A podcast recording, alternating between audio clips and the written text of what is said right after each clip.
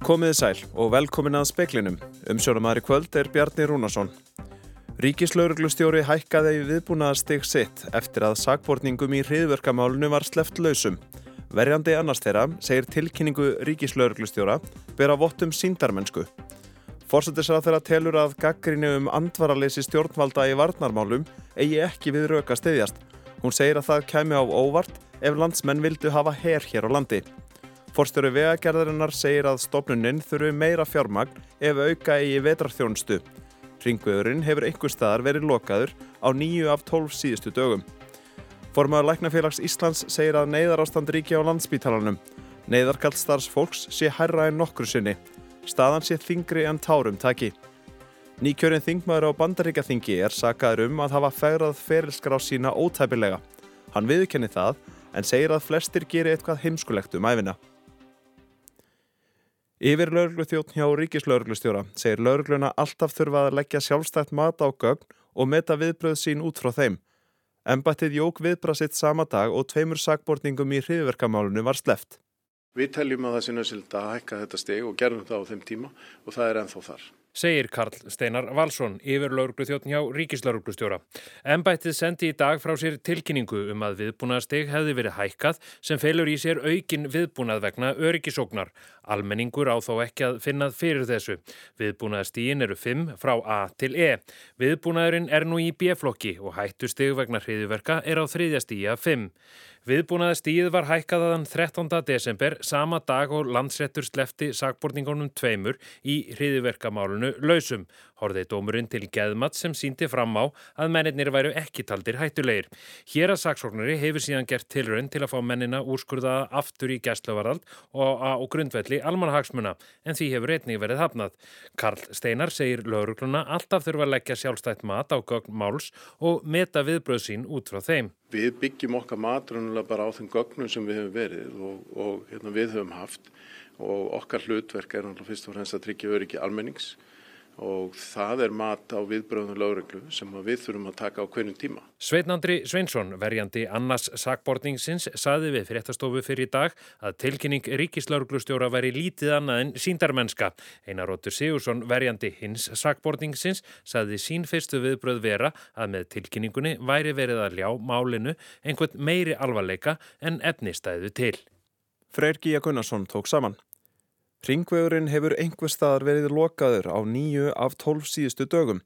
Forstjóri vegagerðarinnar segir að allir vilji vera í forgangi í vetrarþjónustu en fleiri tæki og öfluri bakvakt kalli á meira fjármakt til stopnunarinnar.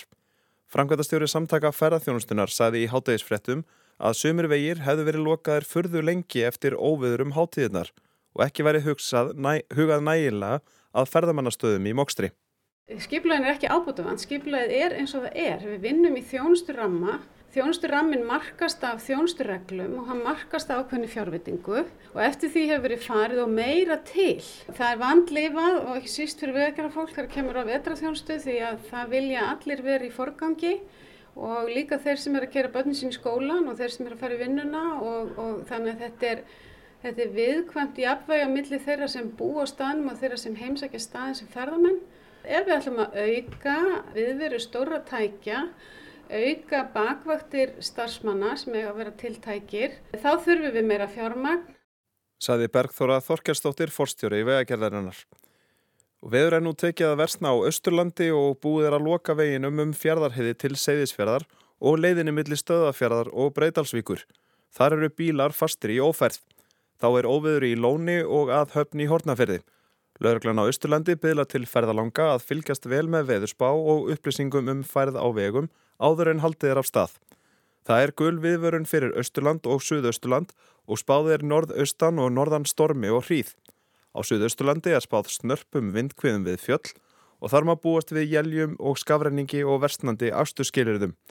Á Östfjörðum verður einnig kvast en þar er aðalega varað við miklum skafrenningi og ófærð þar sem þar er mikil nýfallin snjór. Ekki er búist við að veðrið fyrir austan gangi niður fyrir ná förstu dag. Stjórnveld leggja sitt eigið mat á þær ógnir sem stæði að Íslandi en taka líka þátt í alþjóðlegu samstarfi, segir fórstættisrátara. Hún vísar því á bug að stjórnveld hafi sofið á verðinum í varnarmálum. Baldur Þórhalsson, professor í stjórnmálafræði, gaggrindi í gær framgöngu stjórnvaldi í varnarmálum og sagði Ísland líta út eins og veikasta hlekkin í varnarkeðju Vesturlanda. Hann sagði að Ísland hefði ekki unnið heimavinnuna sína eftir að russa réðustinn í Úkrænu. Svo gaggrinni að við höfum ekki verið að vinna í þessum málum, hún á auðvitað ekki við röka styðjast. Segir Katrín Jakobsdóttir, fórsætisar á þeirra. Hún vísar til nýlegra skýslu stýrihóps þjóðaröryggisráðs um ástand og horfur í þjóðaröryggismálum og tillögu sína að endur skoðaðri þjóðaröryggisstefnum. Það sé framsækin stefna sem takki mið af mörgum þáttum. Þannig að við auðvitað leggjum okkar eigin mat á þær ógnir sem er í kringum, einhver, kringum okkur en um leið tökum við mjög virkan þátt í því alþjóðlega samstarfi sem við eigum í og ég vil nefna það að við höfum þetta tekið mjög virkan þátt bæði á vettfangi allarsasbandalagsins en líka í samstarfi Európi þjóða í kjölfars innrásarunir í Úgrænu. Það eigi meðal annars við um viðskiptaþvinganir. Ég líti ekki svo á að það taka þátt í alþjóðlegu samstarfi fel í sér útvistun. Það hefur ekki verið viljið til þess að hafa hér hér á Íslandi og það væri þá eitthvað alveg nýtt ef, ef fólk vildi taka slíkan pól í hæðina. Ég til ekki að það sé stuðningur við þær hugmyndir á alþengi. Saði Katrín Jakobsdóttir, Brynjólfur Þór Guðmundsson tók saman. Örgisráð saminuðu þjóðuna hefur ofinberlega fordæmt stefnu stjórnar Talibana í Afganistan sem meðar að því að takmarka réttindi kvenna í landinu. Talibanar komast til valda í Afganistan í ágúst í fyrra. Þá sögðust þeir ætla að stjórna með mildari hætti en í fyrri valdatíðsinni. Þeir hafa hins vegar ítrekkað tilkynntum aðgerðir þar sem þrengtir að réttindum kvenna. Á síðasta ári bönnuðu talibanar konum að stunda nám í framhaldsskólum og teknar voru upp reglur um kynjaskiptar skólastofur í háskólum. Í síðustu viku bönnuðu þeir konum að stunda háskólanám og aðfungadag tilkynntu talibanar að afgönskum konum er þeir bannað að starfa fyrir innlend og erlend félaga og hjálparsamtök. Antonio Guterres, aðal framkvæmdastjóri saminuðu þjóðuna, sagði í yfirlýsingu að talibanar eruðu að afturkalla nýjustu bönn. Í yfirlýsingunni frá ráðinu er kalla eftir fullri og jafnri þáttöku kvenna í afgönsku samfélagi. Það voru talibanar kvartir til að opna skóla á ný og snúa við stefnusinnu og vennjum sem styðja við aukna skerðingu á mannréttindum og grundvallar frelsi kvenna. Bannið við að konur starfi fyrir innlend og erlend félagsamtök mun hafa gríðarleg og tafarlaus áhrif á mannúðaraðgerðir í landinu. Þar á miðal starf saminuð þjóðana, segir í yfirlýsingunni. Guterres segir nýjustu reglunar vera óréttlætanleg mannindabrót. Þegar hafa fimm stærstu hjálparsamtöku í Afganistan lagt niður störf í kjölfar bansins og gefið út yfirlýsingar um að þau geti ekki haldið starfsemið sinni áfram án kvenkins starfsmanna sinna. Rebecca Líf Ingadóttir saði frá. Fjölmarkir hundaegandur leita til dýralækna í aðdraðanda áramóta til þess að fá róandi lif fyrir flugelda hrætta hunda. Dýralæknir á Akureyri segir eftirspurn eftir slíkum livjum hafa aukist með árunum. Margir hafa lagt leið sína á flugeldasölur í dag til að kaupa rakettur og blís fyrir gamláskvöld. Á dýralæknastofu sem að við heimsóttum í dag er fólk í öðrum erendum tengdum gamláskvöldi. Þar voru hundaeigendur að óska eftir aðstóð fyrir dýr sem hræðast flugeldahljóðin. Einn þeirra var Hrefna Gunnhildur Torfadóttir. Hann er algjörlega, hann er skelvingu lostin, hann er ekki bara hrættur, hann er skelvingu lostin. Þetta, þetta verður þannig að sko hann, hann fær þetta sem hægt er að gefa honum róandi. Ég fyrir bara með inn í herbyrgi og hann fær í það skipti að koma inn í hjónaherbyrgi sem hann má ekki annars og koma upp í hjónarúm sem hann má aldrei sko en það er bara á gamlaskvöld. Dýralagnirinn Elva Ágústsdóttir segir marga hafa prófað ímislegt til að róa hundana, að klæða þá í sérstaka vapninga, nota róandi ilmólíur, spila tónlist og sumir spili flugaldahljóði í marga daga til þess að reyna að vennja dýrið við kvellina. Hún segir þessi húsráð virka misvel en aðalatriði sé að skapa eins og rólegt umhverfi og hægt er. En hins vegar þarf fólk alltaf að passa að hafa það inni í ró og friði helst inn í herbyggi og hérna dreyji fyrir gluggana og spila tónlist til að svona brengla aðeins þessa hljóðmynd sem þeir eru svo hrætti við og passa náttúrulega fyrst og fremst að dýri sleppi alls ekki út. Hún segir það mikilvægt að fólk leiti til dýralæknis ef hústýr verði mjög hrætt um áramótin. Hún þekki dæmi þess að hundar hafi fengið hálfgert tauga áfall og verið lengi að ná sér. Livin geta bara hjálpað mjög hrættum hundum mjög mikið og það er bara betra fyrir hundin þannig að fólk vil alltaf gera það sem er best fyrir dýrin. Saði Elva Ágústóttir. Ólefrún Erlendstóttir rætti við hana.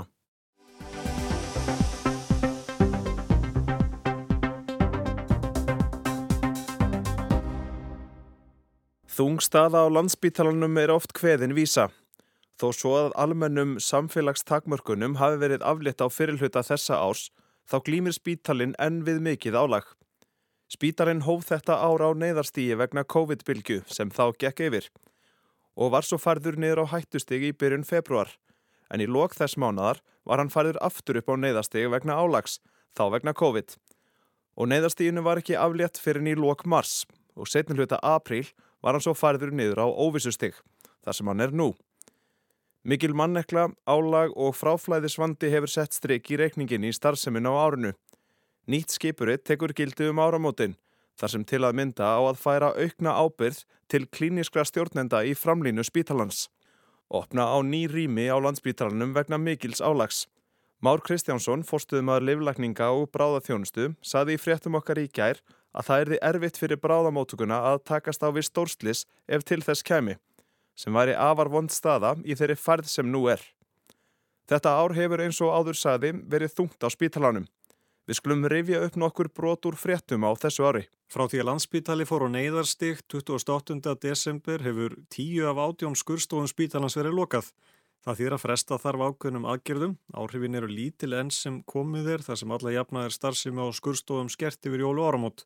Útlitt er fyrir að fresta þurfið meir en helmingi aðgerða miða við vennilegt árferði. Í svari frá landsbytala við fyrirspurn fréttastúi segir að afkvöstverðum 45% í janúar miða við fyrir ár. Guðlaug Rakel Guðjónsdóttir, starfandi forstjóri landsbítalans, tilur óráð að aflétta öllum takmörkunum. Ráðlegara hefði verið að fara hægar í sakirnar. Öllum sóttornar aðgerðum innanlands og landamærunum verður aflétt aðfarnótt föstudags. Þetta tilkynntu heilbreyðisráð þeirra og fórsetisráð þeirra að loknum ríkistjórnarfundi fyrr í dag. Mikil óvisa fylgi þessari ákverðin fyrir landsbítalan að mati Guðlaugar Rakelar. 2125 greindust með COVID-19 innlands í gær og 92 á landamærunum. Yfir 11.000 eru í einangrun. 480 starfsmenn landsbítala eru í einangrun vegna COVID-19 og hafa aldrei verið fleiri. 44 líka nú á spítalanum með COVID þar að tveir á gjörgjastlu og annar þeirra í öndunavél. Stjórnendur spítalans endur með þetta stöðuna og hverjum deginn til skoðunar er að færa spítalan af hættustígi og yfir á neyðastig. Landsbítalinn var í dag færður aftur á neyðarstig innan við fjórum vikum eftir að hann var færður niður á hættustig. Í tilkynningu frá farsóttanemnd Spítalans segir að megin ástæður þess að fara aftur upp á neyðarstig sé vegna mikils fjölda COVID-smittaðra sjúklinga en nú er 51 innilegjandi með virt COVID-smitt.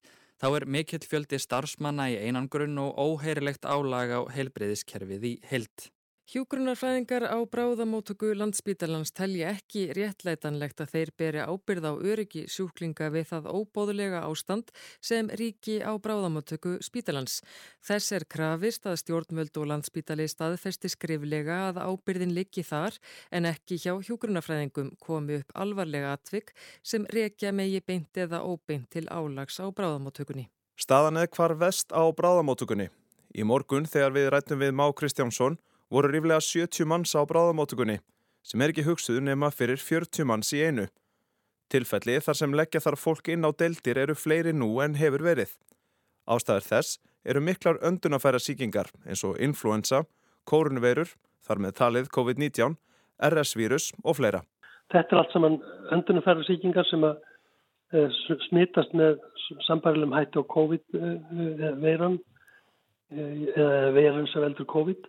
Þannig að, að nú er náttúrulega bara, um, hefur þetta komið inn í samfélagið til fyrir að snemma og, og vegna samkomið takmarkana og annara ráðstafana undanfærina árum vegna COVID þá, þá er náttúrulega fleiri einstaklingar sem eru næmari fyrir þessum veirum og, og, og þær eru að leggjast harðar á okkar samfélag heldur en, heldur en í, í vanalegu árferði. Svo er náttúrulega sko bara um, meira af fólki út í samfélaginu sem er á alls konar ónumispælandi meðferð og það eru aldraðir og hrumir og sem að þóla ítla þessi, þessi, þessar veirupestir. og, og svo náttúrulega má ekki gleyma því að, að það eru jól og mikið um samkomi höld og, og fjölskyldu fagnaði og þess aftur sem er, er svona kjör aðstæður fyrir útbreyslu meiru síking á borðið þessar. Til að draga úr álægi hefur landsbytarinn beint þeim tilmælum til nærleikjandi sjúkrastofnana að beina aðeins allra veikasta fólkinu á landsbytala. Steinun Þorðardóttir, formadur Læknafélags Íslands, hefur þungar áhyggjur af stöðu spítalans. Jóhanna Vitis Hjaltadóttir rætti við hana í dag. Hvað finnst þér um þessa stöðu? Mér finnst þetta bara þingri en tárum taki og ég mitt búin að vera að hugsa svolítið um það hvaða orði ég ætti að velja, um það hvað mér finnst og ég rauninni finn valla nógu sterk orð til að lýsa því hvað ég finn til með í rauninni sjúklingum auðvitað fyrst og fremst okkur sem samfélagi og þessu harduglega starfsfólki sem er að streyta þarna í gegnum enneitt álagstoppin og maður veldur auðvitað alltaf fyrir sér hvað eru aðgerðunar og hvenar fáum við að heyra svona algjörlega skýrt og skorinort hvernig að bjarga okkur öllum því að þetta snertir allt samfélagið út úr þessari hræðilegu stöðu. Er þetta boðileg staða? Þetta er langt frá því að vera boðilegt og það til dæmis gagvar starfsfólkinu að þurfa að vinna sífælt við svona algjörlega óviðegandi aðstæður þar sem þú þart jafnvel að vera að senda fólk heim löngu áður en þú telur það tilbúið. E, fólk kemst ekki inn á gjörgjæslu sem þú telur að eigi heima þar og svo framvegis. Þetta náttúrulega slítur fólki út gríðarlega hratt að finnast að ekki geta synd starfið sínu eins og aðlilegt er. Þannig að þetta náttúrulega bara mun brenna fólkinu þarna innan hús upp mjög hratt ef það færi ekki eitthvað skilabóð um það að það er að grýpa inn í ekki setnan strax. Hvernig á að grýpa inn í að þínu mati? Sko að mínu mati þá þarf bara að setja mannauðin á spítalanum í gjörgjæslu núna. Það þarf bara virkilega að taka utanum þetta fólk, það þarf að tala við þetta fólk og spurja hvað er það sem við getum gert fyrir ykkur til þess að bæta úr ykkar starfsaðstæðum og fara strax í það. Þetta snýst auðvitað um launakjöra ykkur leiti, þetta snýst líka að miklu leiti um álag og aðstæður. Þetta snýst um skorta aðstöðu, við erum að horfa upp á spítalan og ringbraut sem byggingasvæði, ég veit ekki hvort það er tíunda eða tuttast árið í röð, við, sko við sem vinnum þarna á gólfinu upplifum ekki að við séum í forgangi eða höfum verið í raunin bara frá hruni og kerfið allt fjársveld þannig að við þurfum bara að fá að heyra nú ætlum við að setja ykkur í algjörum forgangu við ætlum að leysa þetta. Finnst ykkur stjórnvöld ekki skilja þennan vanda? Nei, mér finnst það ekki og með við allan hennar fréttaflutning sem við höfum orðið vitnaða svo lengi um vanda bráðamóttökuna meðal annars gríðarlega langa byggðlista og svo framvegis að þetta skulle bara vera tökt endalist upp og svo erum við komin í þetta neðar ástand sem er blasið við í dag á spítalanum sem er verra nokkru sinni fyrr og verra en eldstu menn muna sem hafa verið þarna á marga fjöruna sopið áratögum saman að við séum þar þrátt fyrir allan hennar fréttaflutning er náttúrulega bara gríðarlega vonbreiði og við bara viljum skora á stjórnvöld að við fáum bara frá ríkistjórninni í held uh, bara lofarum það að þetta verður sett í forgang strax núna á nýja ári. Þetta verður nummer eitt að leysa þetta. Er þetta neyðarkall ykkar um áramót? Þetta, eru, þetta er klárlega neyðarkall og við kallum herra nokkru sinni fyrr. Viljum Þór Þórsson, heilbreyðsraðara, segir að rýmum hafi verið fjölgað að undanförnu og auknum fjármunum hafi verið varið til heilbreyðskerfisins. Og eins og ég segi þá verðum við viðbrasteini eh, í gangi frá því ágúst sem við skila fjölmörgum tilöfum svona bæði til skemmri og leikri tíma og eins og ég sagði þá verður það að opna 120 rými og það er verið að opna á, á landakoti og svo hefur landsbytalinn farið í mikla vinnu innan úr svarandi skipulag og, og meðal annars opnuðu við fjárþjónustu bráðadaldilda livleikna og þar hefur dagdeldin verið, verið eld, svo starf sem hefur gengið mjög vel, hann að fara að ebla hún hefur uh, svona dreyið úr, úr svona þessum komum á bráðamóttökunni og svo farður þetta að forgansaða við þessar aðstæður þannig að hérna, þessi bráðast tilvíkt á hraðari þjónustu en það fá allir þjónustu á endan. En eru þá þessar aðgerðar ekki að döga til fyrst að spítalinn sendir frá sér neyðarkall eða lagnafélagið? Já, við erum bara í, í mikilvæg saminu um, um þessi mál. Við, við erum í saminu alla daga. Þannig að ég veit ekki hvað fælst í þessu neyðarkalli átta mikið á því. Við erum bara alltaf að fást í þessa stöðu. Hún er óvinni mikið, það er óvinni mikið núna. Sagði Viljum Þór Þórsson. Jóhanna Vigdís Hjaltadóttir rétti við hann.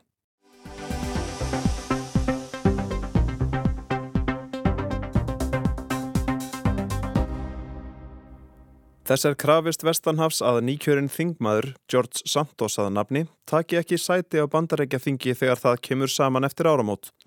Upplýst hefur verið að í ferilskrá saði hann meðal annars ósatt um mentun sína og fyrir störf. New York Times greindi fyrst bandariskra fjölmiðla frá því að ekki stæði stein yfir steini í ferilskrá hins nýkjörna þingmanns George Santos. Hann bauð sig fram fyrir republikana í einu af kjördæmum New York ríkis í þingkostningunum í november, hafði betur gegn demokratanum Robert Zimmermann og átti þannig þátt í að tryggja floknum nauman meiri hluta í fulltrúadeildinni. Fyrirsögn New York Times er hver er George Santos, þingmaður republikana. Ferilskráin hans kann að vera skáldskapur að miklu leiti. Í frettinni segir að hann hafi byggt kosningabaráttu sína á að hann væri ímyndi ameriska draumsins, sonur brasilískra innflýtjenda og fyrsti opimberlega samkynneiði republikanin til að tryggja sér sæti á bandaríkjaþingi. Í ferilskráni kom fram að Santos hefði lokið námi við að bráka háskólan í New York að námi loknu orðið sjóaður fjármálamaður og fjárfestir á Wall Street og unnið fyrir fjármálastafnanirnar eh, Goldman Sachs og Citibank. Meðal annars hefðan stýrt eignasafni dýra hjálpar samtakana Friends of Pets United sem hefðu bjargað lífi 2500 hunda og katta. Rannsók New York Times á þessum upplýsingum bæði í Brasilíu og Bandaríkjónum leti í ljós að sitt hvað var málum blandið í upplýsingum George Santos um mentun og fyrir störf. Hjá Goldman Sachs og Citibank fundust engar upplýsingar um að hann hefði unnið þar. Sömu sögu var að segja frá háskólanum. Þar útskrifaðist engin George Santos árið 2010. Í gögnum ríkis skattstjóra fundust engar upplýsingar sem bentu til þess að Friends of Pets United hefði nokkrum sinnum verið til. Fleiri fjölmiðlar í bandaríkjörnum hafa í kjölfari dreyið fram íminnslegt sem Santos sagði um sjálfan sig, svo sem að hann var í stoltur amerískur gýðingur.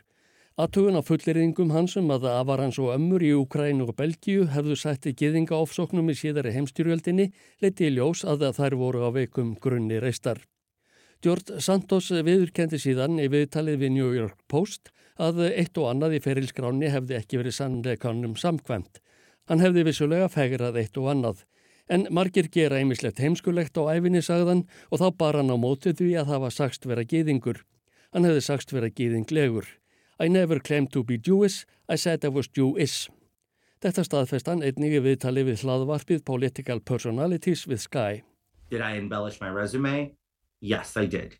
And I'm sorry. And it shouldn't be done. And it's, it's, it's, there's, there's words can't express 100% how I feel. Santos sagðist ekki geta komið orðum að því hvernig honum liði eftir að hafa verið afhjúpaður. Hann bætti við að hann væri ekki sveikarrappur og bað fólk afsökunar ef því liði eins og hann hefði sveikið að. If, if hann bætti því við að hann ætlaði að sína það og sanna þegar hann settist á þing að hann stæði við kostningalofvorðin. Engin ætti eftir að yðrast þess að það var greitt honum atkvæði. Skæ Ostraker sem heldur út til hlaðvarpinu segir í viðtali við Breska ríkisútvarpið BBC að því miður sé það svo í kostningum í New York og viðar í bandaríkjónum að það skipti kjósendur meira máli hvort frambjóðundurnir séu republikanar eða demokrater en ekki hvernig þeir séu innrættir eða yfir hvaða eiginleikum þeir búi. And I think the problem leading up to this election and many of our elections here in New York and throughout the United States is the focus on whether a candidate is a Republican or a Democrat and less attention is paid to who they are as a human and the characteristics that they possess. Skæ Ostra hér vil ekki leggja dóma á hvort George Santos hafi sagt ósatt um fleira í ferilskrásinni en fram hefur komið, hvort þar sé yfirleitt nokkuð fleira sem hann hefði getað spunnið upp. Nú verði landsmenn að býða og sjá hvernig tekið verði á brótumans í republikanafloknum og innan þings eftir hans verð ennbætti segð 3. janúar. Hugsanlega rati málið inn á borðu dómsmálaráðunittisins. Keppinautur Santos í þingkostningunum í haust, demokratin Robert Zimmermann, byrti færslu á Twitter í gær þar sem hann skoraði á hann að segja af sér þingmennsku og mæta sér í aukakostningum. George, ef það er þitt rétta nafn, skrifaði Simmermann, ef þú ert svo vissum að kjósendur í N-3 kjördæmi treystiðir, segðu þá af þér og kæftu við mikið aukakostningum. Komdu fram fyrir kjósendur með raunverulegar staðreindir um líf þitt og svaraðu spurningum þeirra um glæpsamlega fortíðína. Láttu kjósendur taka endanlega ákvörðun. Ásker Tómasson saði frá.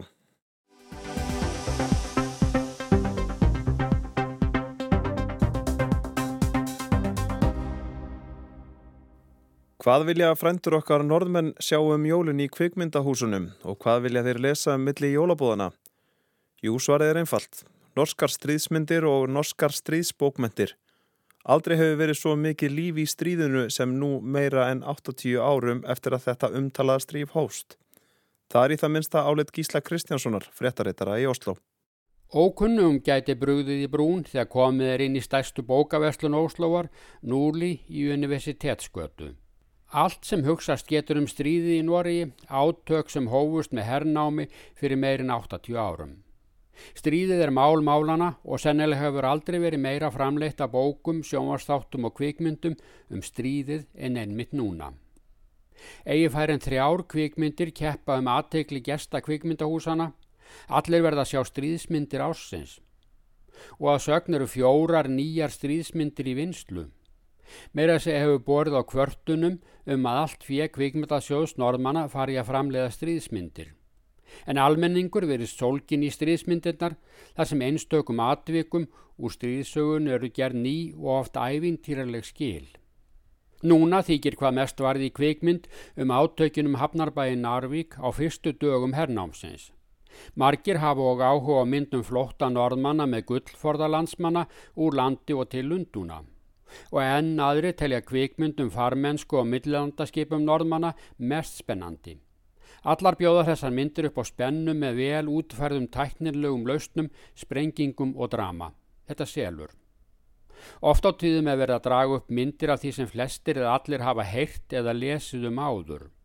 Stríðsagan norska virðist ekki bjóð upp á miklar afhjúpanir.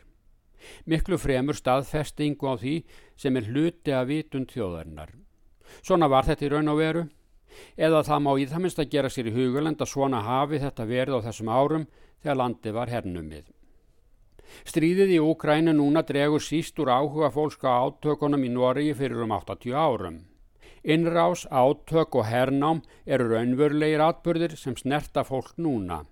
Þetta hefur gerst, þetta er að gerast og þetta getur gerst í framtíðinni. Og með kvikmyndum fylgja bækur þar sem sagan er rakin. Allir verða helst af að lesi bæði bókina og séð myndina. Auk þess bæta stöðut við nýjar og nýjar frásagnir úr stríðinu. Það meiri segja keppni mitt í landsluta hver hafi liðið mesta raunir í stríðinu Norður normenn minna stöðut á að þeirra stríðsaga hafi glemst í kapplaupunum aðtegli gesta kvikmyndahúsana og bóklesenda. Nún er einn norðurnorsk stríðsmynd með bók og eigin landsluta stríðshetju á markaði. Það má alltaf finna glemta stríðshetju og bæta við í sapnið. Síðan má enn bæta við greining á hvernig saga stríðsögunar hefur breyst í árana rás. Það kom út ferskar stríðsbókmenti allt frá stríðslokum og líka kvikmyndir, margar kvikmyndir. Fyrstu fimm áratugina einkendust bæði bækur og myndir af endurminningum og tilraunum til að gera upp við stríðið. Þetta voru mjög raunsægisleg verk. Svo kvarf þessi áhugjum tíma. Í heil 15 ár var engin ný kvikmynd sínd. Frá 1993 til 2008 lág stríðsmyndagerðin alveg niðri. Var efnið tæmt og í bókmentum var að fara að draga fram óþægilega staðrendir og hægt að skipta öllum mannskap upp í hetjur og skurka. En svo snýst dæmið enn við þegar komið er langt út á þessa öld. Það myndast nýr markaður fyrir hetjusögur. Það ert að búa til spennumyndir með æsandi átökum og sína fyrir fullum kvikmyndasölum. Núna eru flestir þeirra sem upplifðu hernámið hornir til feðra sinna. Það er ekki hægt að sækja lengur í sjóð endurminninga. Ennum leið kemur fram gaggrín á að þessar nýju myndir og nýju bækur sé ekki öllu leiti sannleikanum samkvæmar. Það þarf að bæta í söguna til að auka spennuna og koma að leiftrandi átökum. Og engin lengur á lífi til að segja, já en þetta gerðist ekki svona. Saði Gísli Kristjánsson, lítum þá til veðus, norðaustan og norðan 8-15 metrar á sekundu en hvasviðriða stormur á Suðausturlandi og austfjörðum sent í kvöld. Þar tekur gildi gul viðvörun og gildir hún fram á förstudags morgun. Þar er spáð norðaustan og norðan 15 til 25 metrum á sekundu með snörpum vindkviðum við fjöll, kvassast austan örafa. Einnig má búast við jæljum og skafrenningi með lélugu skegni og versnandi axtu skilurðum. Annars snjókoma eða jél þurft að kalla um landið suðvestanvert, frost 2 til 15 steg. Fyrir að draga ár vindi síðdeis á morgun. Það er ekki fleira í speiklinum í kvöld. Tæknumæður var Kormakur Marðarsson. Frétta átsendingu stjórnaði Margret Júlia Ingimarsdóttir. Njóti kvöldsins og verið sæl.